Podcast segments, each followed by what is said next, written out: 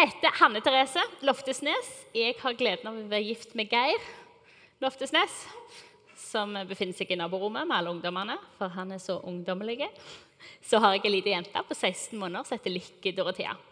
Og utover det så jobber jeg her på huset eh, med, eh, med, å være lærer på Akta bibelskole. Og det er definitivt en fest. Og så får jeg lov til å lede helbredelsesrommet og det er òg definitivt en fest. Til dere som ikke vet om det, så det er åpent hver lørdag. Men uh, ikke nå mot sommeren, så sjekk det ut på nettet. Men stort sett hver lørdag, og ber for sjuke der. Og den tredje tingen jeg gjør, det er at jeg leder Godhet Norge. Så dere så et lite glimt fra Godhet på skjermene. Og så vet mange av dere at det begynner Godhet her neste uke, eller på mandag. Og så er det jo utrolig å tenke på at det begynner ikke bare her, men det begynner 29 andre steder rundt omkring i landet vårt i morgen. Eller, ja, mm. og, eh, med ca. 90 forskjellige menigheter. Så det er snakk om tusenvis av mennesker som får en konkret erfaring av en Gud som er god. ikke det fantastisk? Ja, det syns jeg er fantastisk. Yes! Det gleder jeg meg enormt over.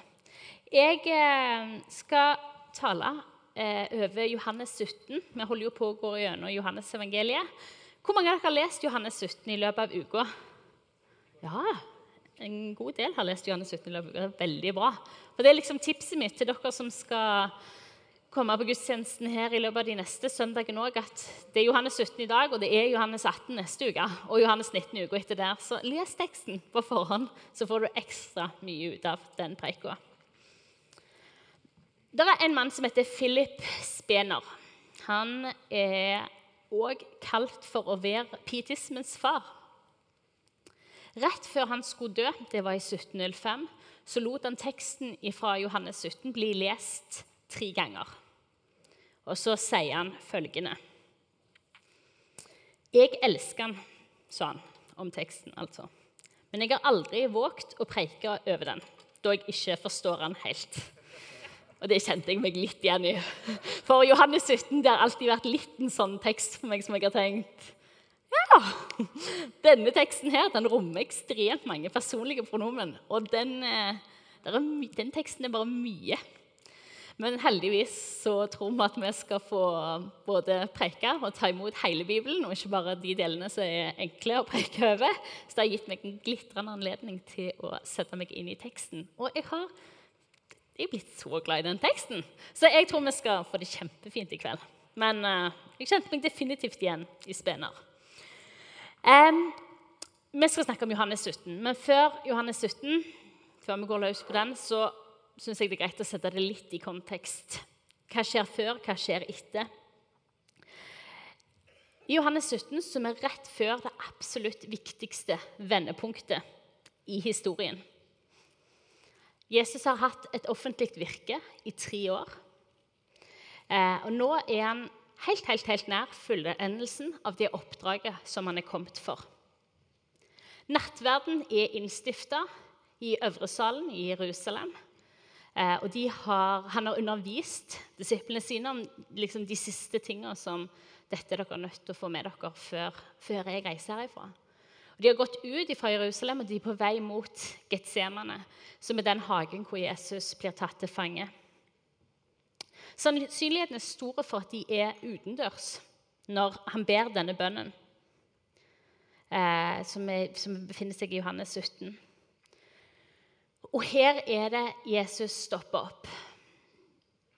Han vet hva som ligger foran. Han vet hva som ligger foran av psykisk smerte, fysisk smerte, av sårhet, av avvisning, av svik, av ensomhet. Og så er det dette han velger å bruke tid på. Her ser vi at Johannes, her stopper Jesus opp. Hele Johannes 17 er en bønn. Her stopper Jesus opp, og så vender han blikket mot sin far. Og så er det det absolutt siste han gjør før han trår inn i selve lidelsesfortellingen. Eh, før han går inn i Getsemane og veien mot korset begynner for alvor. Så Jesus stopper opp. Og det er med den teksten vi skal stoppe opp òg. I bønnen. Som sagt, Hele kapittel 17 det er en bønn. Den er ofte blitt kalt for Jesu ypperste prestelige bønn. Og Årsaken til at den blir kalt for den ypperste prestelige bønnen, det er fordi at eh, foruten å bringe soningsofferet fram for Gud, så var ypperste prestens ansvar det var å be eh, til Gud for folket. Og så er det akkurat det vi ser Jesus gjøre i denne bønnen òg.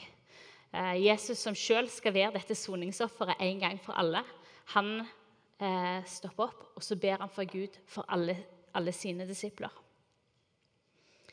Eh, det som er så unikt med denne bønnen, at det er på et vis det er Gud som ber til Gud. Og samtidig så er det sønnen som ber til sin far.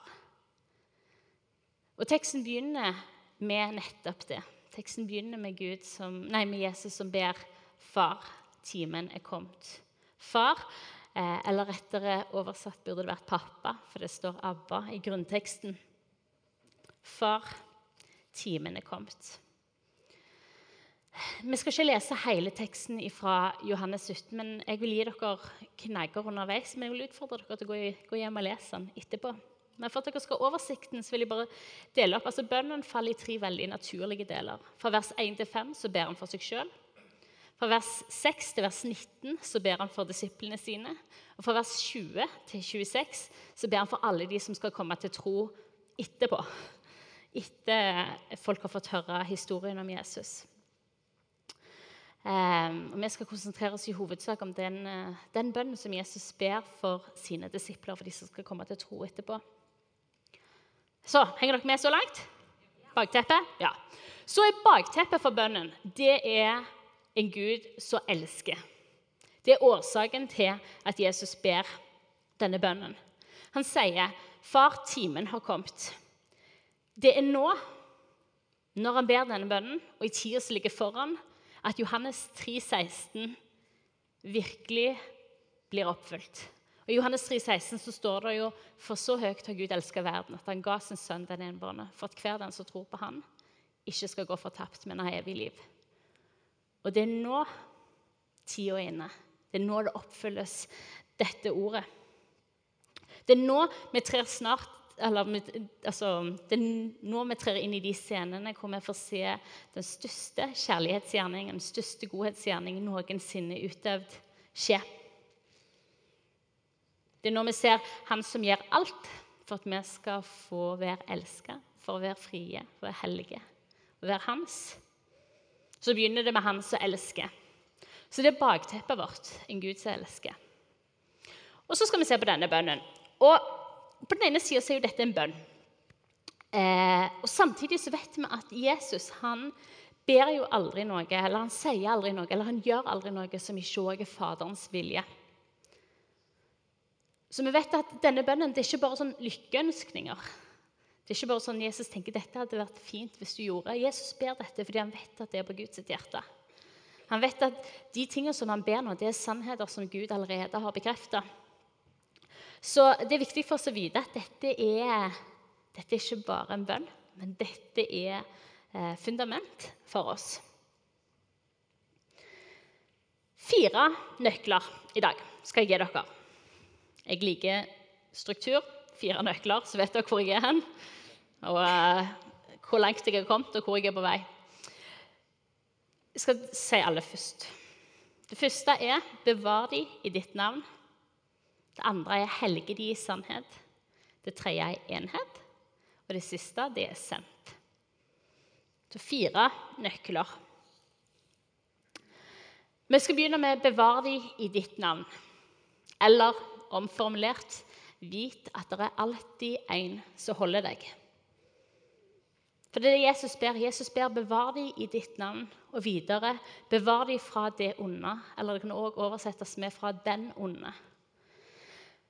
Og Så kan vi spørre oss selv om vi ber Jesus nå om at etterfølgeren aldri skal forføre smerte. Ber han om problemfrie liv for dem? Ber han om bare gode dager og at livet skal være en dans på roser? Så vet vi jo at det er jo ikke tilfellet. Det er jo ikke det Jesus ber om. Han har jo allerede i kapitlene før sagt at det som ligger foran dere, det er krevende. Dere vil oppleve forfølgelse. Dere vil oppleve motgang. Dere vil oppleve at folk ikke liker dere. Jesus setter jo sjøl at kun, kun, noen timer etter at han har bedt denne bønnen, så skal de få erfare at de svikter sin beste venn. De skal få erfare at de flykter når han trenger dem. De skal få erfare frykt, og de skal også få erfare sorg. Masse vonde følelser. Så Jesus ber jo tydeligvis ikke om at de skal leve problemfrie liv. Hva er det egentlig da han ber om? Bevar de i ditt navn, bevar de fra det onde. Å bevare det handler jo om å bli passet på, om å bli holdt på et vis. At vi i Han, uansett omstendigheter, alltid kan få være nær Han. At uansett omstendigheter i gode og dårlige dager, så vil Han være til stede at uansett omstendigheter så vil han være vår trygge og vår gode far. Bevar dem i ditt navn i alle tider, gjennom alle tider. I de tingene som er krevende, og de tingene som er utfordrende. Fordi det er på Guds hjerte å bevare oss og være til stede for oss og elske oss. Jeg synes Et av de nydeligste eh, eller salmene som har uttrykt dette, her, den som heter 'Jeg er i Herrens hender' som så tydelig gjennom hele salmen sier noe om at livet det er tidvis utrolig utfordrende, så det er tidvis utrolig godt, men i alle ting så vil Gud være nær, for det er hvem Gud er. Og det er en Gud som elsker. Så punkt én. Vit hvem som holder deg. Vit at det er en som alltid vil holde deg. En som alltid vil være nær deg. Bevar de i ditt navn, ber Jesus. Så da kan du si til sidemannen din, bevar de i ditt navn.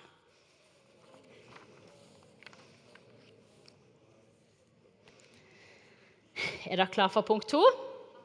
Ja, bra. Bra. Det gleder meg. Punkt to.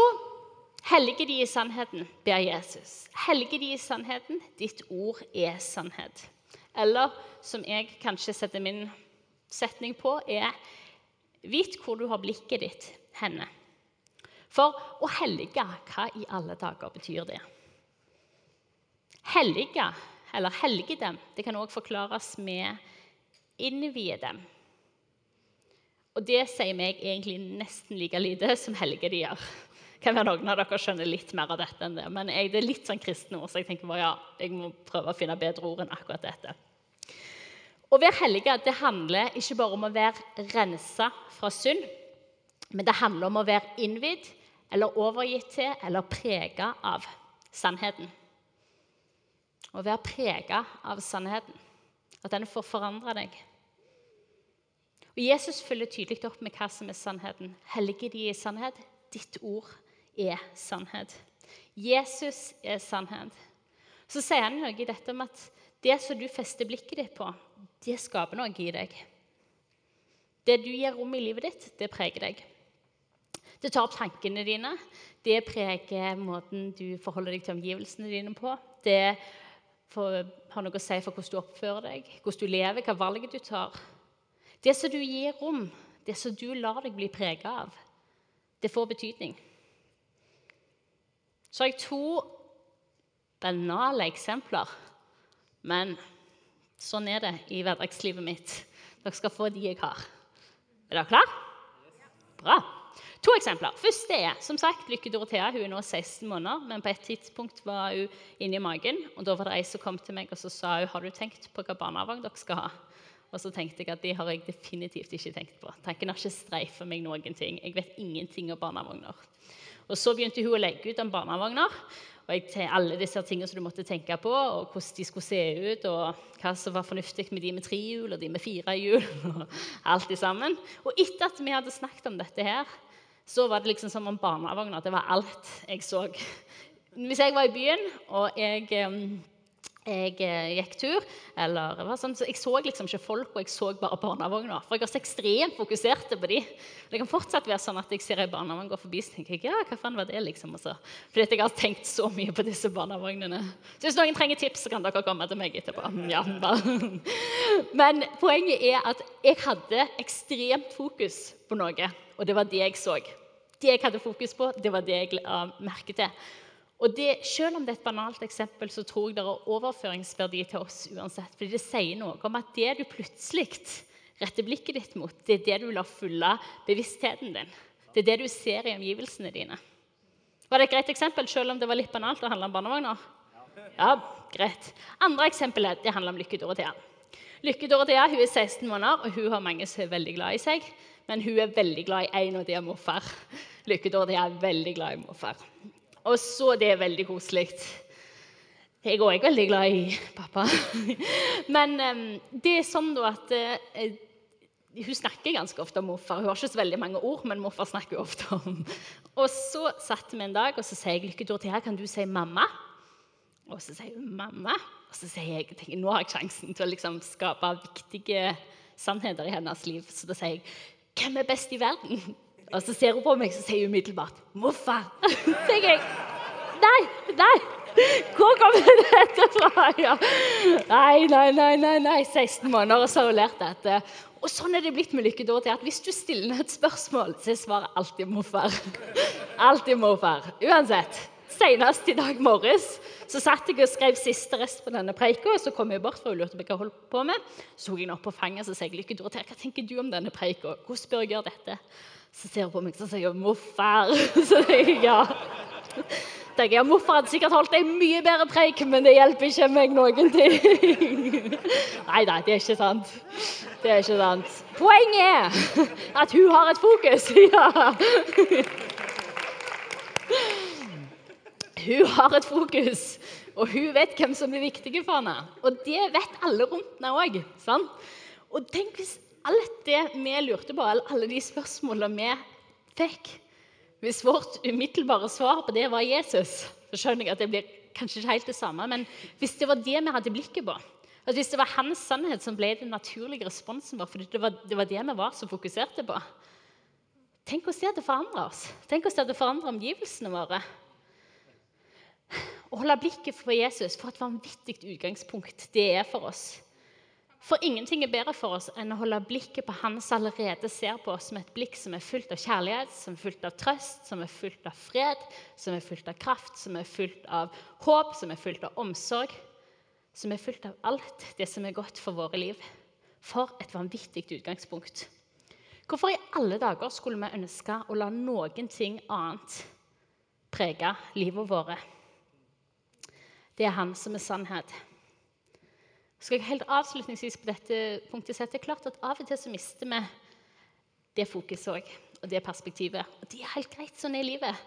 Men da er det litt sånn, du tar den her GPS-funksjonen. Du rekalkulerer, og så finner du retningen tilbake igjen.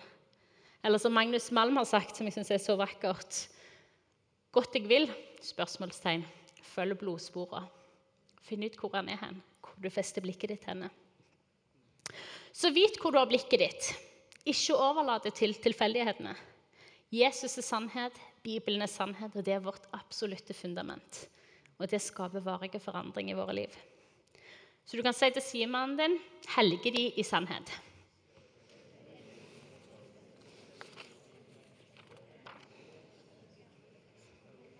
Bra. Er dere klare for punkt tre? Ja, bra. Vi skal snakke om enhet. Enhet med Kristus og med hverandre. Det første er vi er ett med Kristus. Vi er ett med Kristus. Det er så stort. Betyr det at vi er ferdig utlærte? Nei, bra. Ti poeng. Ja, det er helt sant. Betyr det at vi er fullkomne disipler? Definitivt ikke. Samtidig så er vi ett med Han, og det er det som er nåde over nåde. Det er litt som bildet han bruker sjøl i Johannes 15 i forhold til vintreet. At vi får være kobla på han. Fordi han er hvem han er. Eh, vi sier i dåpen, spesielt når det er voksne som blir døypt, så sier vi at når, de, når vi tar dem ned i vannet, så sier vi 'begravd med Kristus', og så tar vi dem opp igjen og så sier vi 'oppreist med Kristus'. Og Det er et nydelig bilde på nettopp det. Nettopp pga. det som Jesus gjorde, så kan vi være ett med Han. Ikke fordi at vi får det til, men fordi at han har gjort alt som trengtes. Så vi er ett med Kristus, og så er vi òg ett med hverandre. Og Da må vi bare slå først, en gang for alle, at enhet det betyr ikke enighet i alt. Enhet betyr ikke uniformitet. Det er ikke sånn at nå skal alle være helt like. Nå skal alle tilhøre samme organisasjon. Nå skal alle mene det samme eller tenke det samme eller leve ut akkurat det samme og fungere helt likt. En har sagt det sånn at det handler om enhet i mangfold. Og Det ser vi jo på et vis i treenigheten. gjør vi ikke det? Sant? Der har vi Gud, skaperen, som er Jesus, frelseren, som en hellig ånd, livgiveren. Så er de tre forskjellige personer, men samtidig så er de ett. Så det er noe av mysteriet med den troa som vi har. Eh, Paulus bruker et annet bilde når han snakker om kirka som en kropp. Som har forskjellige, altså forskjellige eh, kroppsdeler som fungerer og har forskjellige funksjoner. Og Det tror jeg både handler om kirka, altså den lokale kirka, at vi innad her er forskjellige og fungerer forskjellig. Men det jeg tror òg det handler om det større bildet av den verdensvide kirka. At det er forskjellige måter å tenke på og gjøre ting der som er helt OK. Du har noen menigheter som er enormt opptatt av å undervise om Guds farshjerte. Fantastisk. Noen som underviser om det overnaturlige og Guds kraft og Den hellige ånd. Fantastisk. Så er det de misjonale bevegelsene som er ekstremt opptatt av å, å undervise om disippelskap, at folk er nødt til å få fatt i Jesus. Nydelig. Og så sammen så, så utgjør det Jesu kropp. Så er det ikke motsetninger til hverandre, men det er enhet i det mangfoldet fordi vi har samme hode, samme hode, og vi har samme utgangspunkt. Vi har ulikheter, men vi har enigheter i det sentrale, og det er Jesus Kristus og han, kors, han korsfesta. Det syns jeg er så vanvittig befriende. Tenk og takk, Jesus, at du har skapt oss til å være forskjellige. Tenk så slitsomt hvis vi skulle vært de samme. Og veldig kort til slutt vil jeg si at Kristen enhet det handler også om at pga. det Jesus har gjort for oss på korset, så er vi en familie. Alle vi som tror på Jesus, er en familie. Og Det betyr at du hører til et sted. Det betyr at du alltid vil høre til et sted. At du alltid har folk som du hører sammen med. Kristen enhet, familie, er et kjempeviktig nøkkelord nettopp for det. Så avslutningsvis, dette punktet er Vit hvem du er sammen med. Du hører til, du hører sammen med, du har en familie. Så da kan du si til Simon meg og deg, vi er ett.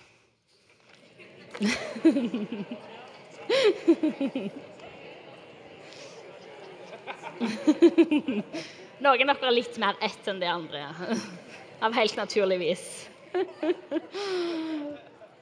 Bra. Siste punkt. Er dere klart for siste punkt? Bra. Sendt.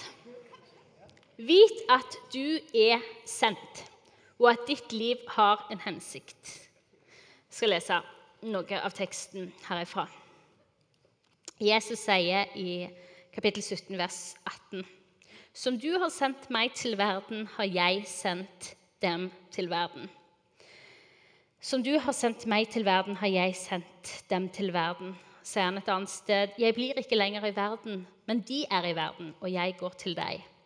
Eller som den engelske litt sånn nyoversettelsen, som kalles for The Message, sier And my life is on display in them, for I'm no longer going to be visible in the world. They will continue in the world while I return to you.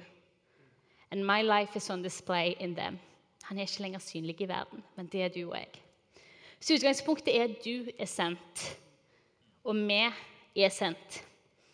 Ikke bare de som sitter på første rad her, selv om kanskje de er ekstra sendt sant? siden de sitter på første rad. Ja. Nei, jeg tror kanskje ikke det. Det var mest en spøk. Ikke bare de som sitter på første rad, ikke bare de som alltid har historier om forteller fra nabolaget om ting som har skjedd, og hvordan Gud har grepet inn. Ikke bare de som slår ut som evangelister på nådegavetesten. Du er sendt. Og det blir ikke tydeligere enn det dette verset her er.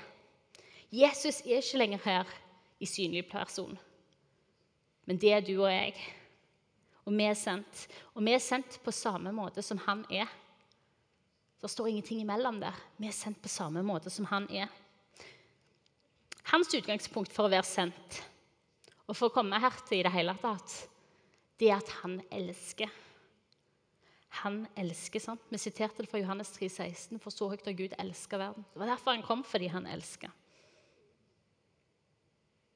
Og sannheten er han elsker fortsatt folk. Han elsker fortsatt folk, og det er helt vidunderlig. Og det betyr at det er det vi er sendt ut med òg. Det er vårt utgangspunkt òg. Når han sender så sender oss ut fordi han elsker folk. Og vi skal få lov til å demonstrere nettopp dette. Og fy søren, for et oppdrag det Det er jo helt vidunderlig. Jeg har lest ei fantastisk bok. Den heter 'Love Does' av Bob Joff. Noen av dere har lest den? Ja, han har lest den. Ingen andre? Dette er lesetips for sommeren. Denne her er utrolig fin, altså. 'Love Does' av Bob Joff. Han skriver eller Parentesen er etter at jeg har lest denne, her, så er jeg helt sånn Wow, Geir, dette er fantastisk. Livet mitt har ett mål. Det er å elske Gud, elske mennesker. Mange andre har sagt det før meg, men det ble liksom på nytt åpenbart gjennom den boka. Bob skriver at Jesus vil ikke ha 'stalkers', som det heter på engelsk. Forfølgere. Han vil ha etterfølgere. Han vil ikke bare ha folk som vet enormt mye om han. Han vil ikke bare ha folk som har lest om han i bøkene, eller som vet hvor han har vært, eller hva han har sagt folk som bare studerer ham på avstand. Han vil ha etterfølgere. Folk som gjør det som han gjorde, sånn som han sa, og som lever sånn som han levde. Og som lekker ut det som han elsker, og til de som han elsker. Og Tenk for en fest det kan bli hvis vi gjør det, hvis vi lever i det. Hvis vi virkelig gir gass på det, og vi alle lekker ut hans kjærlighet der som vi er, det er nødt til å bli fantastisk. Sant? Ja, bra. Jeg har selv studert teologi i seks år, og jeg syns det var utrolig spennende. Samtidig så sa jeg flere ganger i studiet Gud, frels meg før akademia tar meg. Sånn sa jeg mange ganger. For jeg er veldig glad i akademia. Jeg syns det er kjempespennende å grave meg ned i bitte små detaljer som jeg tenker er meningsfullt. Eh, men jeg vet at det er ikke der det er ikke nede i alle de små detaljene i livet. Jeg kan ikke bare være der. Jeg kan ikke bare være i akademia. Jeg må være i livet generelt sett òg, for det er, så, det er jo der vi er ment å være. Ove Konrad, som var en del av denne menigheten så lenge, som nå er forfremma til herligheten, han sa jeg vil ikke være skrivebordsteolog. Og det liker jeg. Vi er ikke kalt å være skrivebordsteologer eller bare bibelstudiekristne. Vi leser Guds ord fordi det forandrer oss. Fordi det ikke bare er informasjon vi tar inn, men det er transformasjon. Det er ting som faktisk endrer oss. Og jeg tror jo at vi er kalt til å forandre verden. Sant? Ikke det er fantastisk? Vi er kalt til å forandre verden med å elske folk. Og det er liksom nøkkelbiten. Vi er kalt til å forandre verden med å elske folk. Men at folk virkelig får fatt i ved at de erfarer det. At de er verdifulle, at de er verdt å elske, for det er de. De er elska, og de er vanvittig elska. Så vi har bibelteksten for at det skal vise oss hvordan vi skal leve. Ikke fordi vi skal bli kunnskapsrike. Et konkret eksempel er vi har historien om kvinnen med brønnen. Ikke for å lære om hvordan Jesus brøyt ned barrierer mellom kjønn og, og folkeslag men fordi vi skal skjønne at vi er kalt til å elske flyktninger. Den teksten vi leser, det er liv for oss. Det er ikke bare tekst. Det forandrer oss. Min drøm det er å få bety noe for nabolaget vårt, der som jeg og Geir bor i rekkehuset vårt. At de naboene som bor rundt oss, virkelig skal få erfare at det finnes en Gud som er vanvittig god, og så elsker de uten sidestykke. For det er det beste det er det beste noensinne å få kunne formidle videre. Og av og til når jeg sitter hjemme som sagt, så er jeg veldig glad i akademia, så jeg må ta meg selv litt i nakken av og til for å gjøre ting i praksis. Men av og til så sitter jeg hjemme og så tenker jeg Jesus, her er jeg, send Geir. For det tenker jeg av og til. For det er veldig greit å sende Geir. Ja, Det er så mye lettere å sende Geir. Kjempefint å sende Geir. Og så må jeg alltid ta meg sjøl i å tenke at dette er mitt oppdrag òg. Det er fantastisk at Geir er flink og elsker folk rundt seg. Og det er han. Han er virkelig god til det. Men det kan ikke være mitt alibi for å la være. Jeg vil at mitt liv skal leke Jesus òg. Jeg vil at mitt liv skal leke Jesus òg. Og så hadde jeg gleden Jeg snakket om IMI Oslo tidligere i dag, og det mener jeg fortsatt. Men nå sier jeg det òg til dere som er akta-studenter og skal slutte, at nå er dere virkelig sendt, liksom. Nå er dere ferdige her. Og dere, for det første så er dere er helt rå. Jeg er så begeistra for dere. Hvem dere er, og hva dere representerer, og hva dere har fått betydd i denne menigheten sitt liv det året dere har vært her. Fantastisk. Og så sendes dere i dag, fordi dere slutter neste lørdag. Dere sendes i dag. Um, noen av dere kommer tilbake igjen etter sommeren. Men uansett så skal dere liksom ut av bibelskoleverden. Og dere skal ut med et vanvittig tydelig oppdrag. Elsk folk. La dem få erfare at Gud er god. La det være det absolutt viktigste dere gjør. Fy søren. Tenk når alle dere reiser, og folk rundt dere får erfare at Gud elsker dem, og at han er god. Det blir helt fantastisk. Sant? Ja, skal dere? Vil dere? Ja. Yes, jeg liker dere. Dette har jeg tro på. Og så gjelder det ikke bare Akta, det gjelder alle oss andre òg. Det gjelder oss som menigheter, det gjelder oss som enkeltindivider. Der hvor vi er i våre nabolag, i våre jobber, studiesteder, i våre familier, blant våre venner. Du er sendt, og du er sendt med et oppdrag. At folk skal få bli kjent med Jesus og vite at han elsker dem. Og så er det en parentes før jeg går til avslutning her. Og det at Dette oppdraget det er det eneste oppdraget vi har. Det er det eneste oppdraget han har gitt oss. Første pinsedag så var jeg på fellesmøter i Klippen på Jørpeland. Det var meg, og så var det pappa, så var det min mormor, og der talte sogneprest Bård Boje. Parentes i parentesen, han er en utrolig flott kar.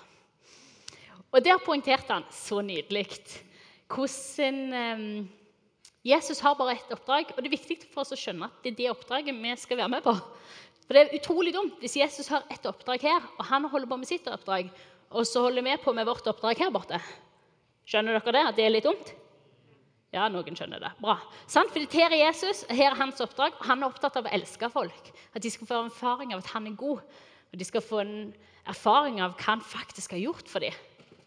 Og så er vi her borte, og så holder vi på med hus og hytter og bil og båt. og alt dette her. Og så sier Bård, som jeg syns er så fint, det blir flaut en dag.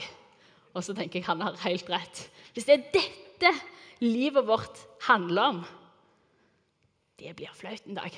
Fordi at oppdraget vi er kalt det, er så vanvittig mye større og så vanvittig mye bedre. Betyr det at det er galt med hus og hytte, bil og båt? Det er klart det er ikke det. Men er det det som er det overordna? Er det det som blir det viktige? Heldigvis er det ikke det. Heldigvis er det ikke det. Fordi vi har et oppdrag, og så får vi være i lag med han mens han gjør det. Og det er at han elsker fortsatt folk. Og det skal vi få være en del av. Så vit at du er sendt, og du er hans synlige uttrykk i verden. Du får heller ikke lov til å synge 'Jesus Herre, jeg sendt', Geir. Ok? Du er sendt. Så det kan du si til sidemannen din. Vi er sendt, kan du si. Og dette er jo fellesprosjekt. Bra. Vi er sendt. For ei lykke. For ei lykke.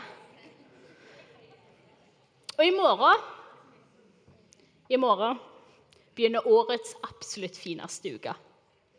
Jeg tror ikke det fins noen uker i året i denne menighetens liv som tydeligere demonstrerer i praksis Guds kjærlighet for folk.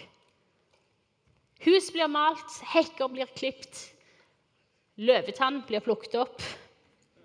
Du kan kanskje spørre meg har det noe å si, og så vil jeg gi deg et rungende ja. Det har det. For det handler ikke om den ene malerkosten eller den hekken som blir klippet. Det handler om at alle de tinga er synlige uttrykk for 'jeg ser deg, jeg bryr, deg, bryr, meg om deg, jeg har omsorg for deg', du er verdifull.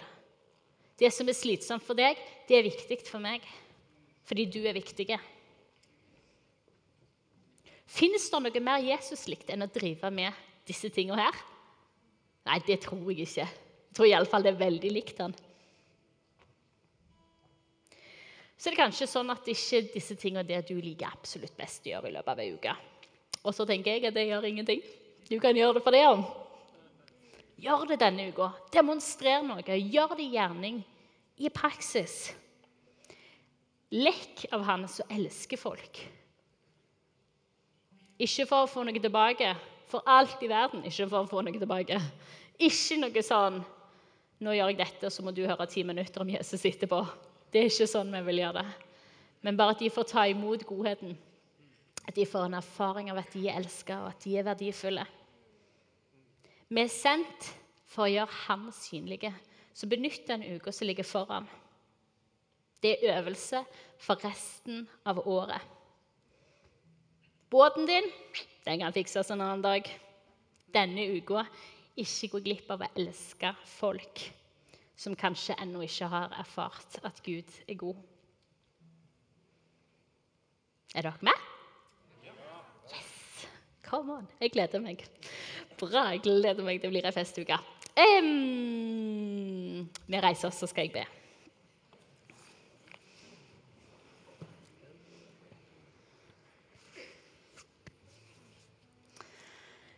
Gode Jesus, jeg takker deg for at du elsker oss så vanvittig høyt. Og for at det er utgangspunktet for alt annet. For Jeg takker deg for at du er den som sier at du eh, alltid vil holde oss. Du vil alltid være nær oss. Takk for at det er deg vi skal få feste blikket vårt på og kjenne at det er du som forandrer oss. For Jeg takker deg for at vi får være ett med deg og ett med hverandre. Og høre sammen, Jesus. Og Far, så takker jeg deg for at du så frimodig sender ut så ufullkomne mennesker som vi er. Og så er du så begeistra for det, Jesus. Og Jeg takker deg for at vi får lov til å gå i lag med deg og elske folk. For måtte du virkelig bare la det bli ryggmargsrefleksen vår, Jesus. At du elsker folk. Og det skal vi få lov til å gå videre med. Fy søren, så stort det er, Jesus. Må jeg bare tale ut din velsignelse ved den uka som ligger foran. Med alle de godhetstingene som skal bli gjort. Det skal få være ei uke fullt av mennesker som får en konkret erfaring av at du ser dem, og at du elsker dem. Takk, Elion. Vi gleder oss. Vi gleder oss så. Kom an.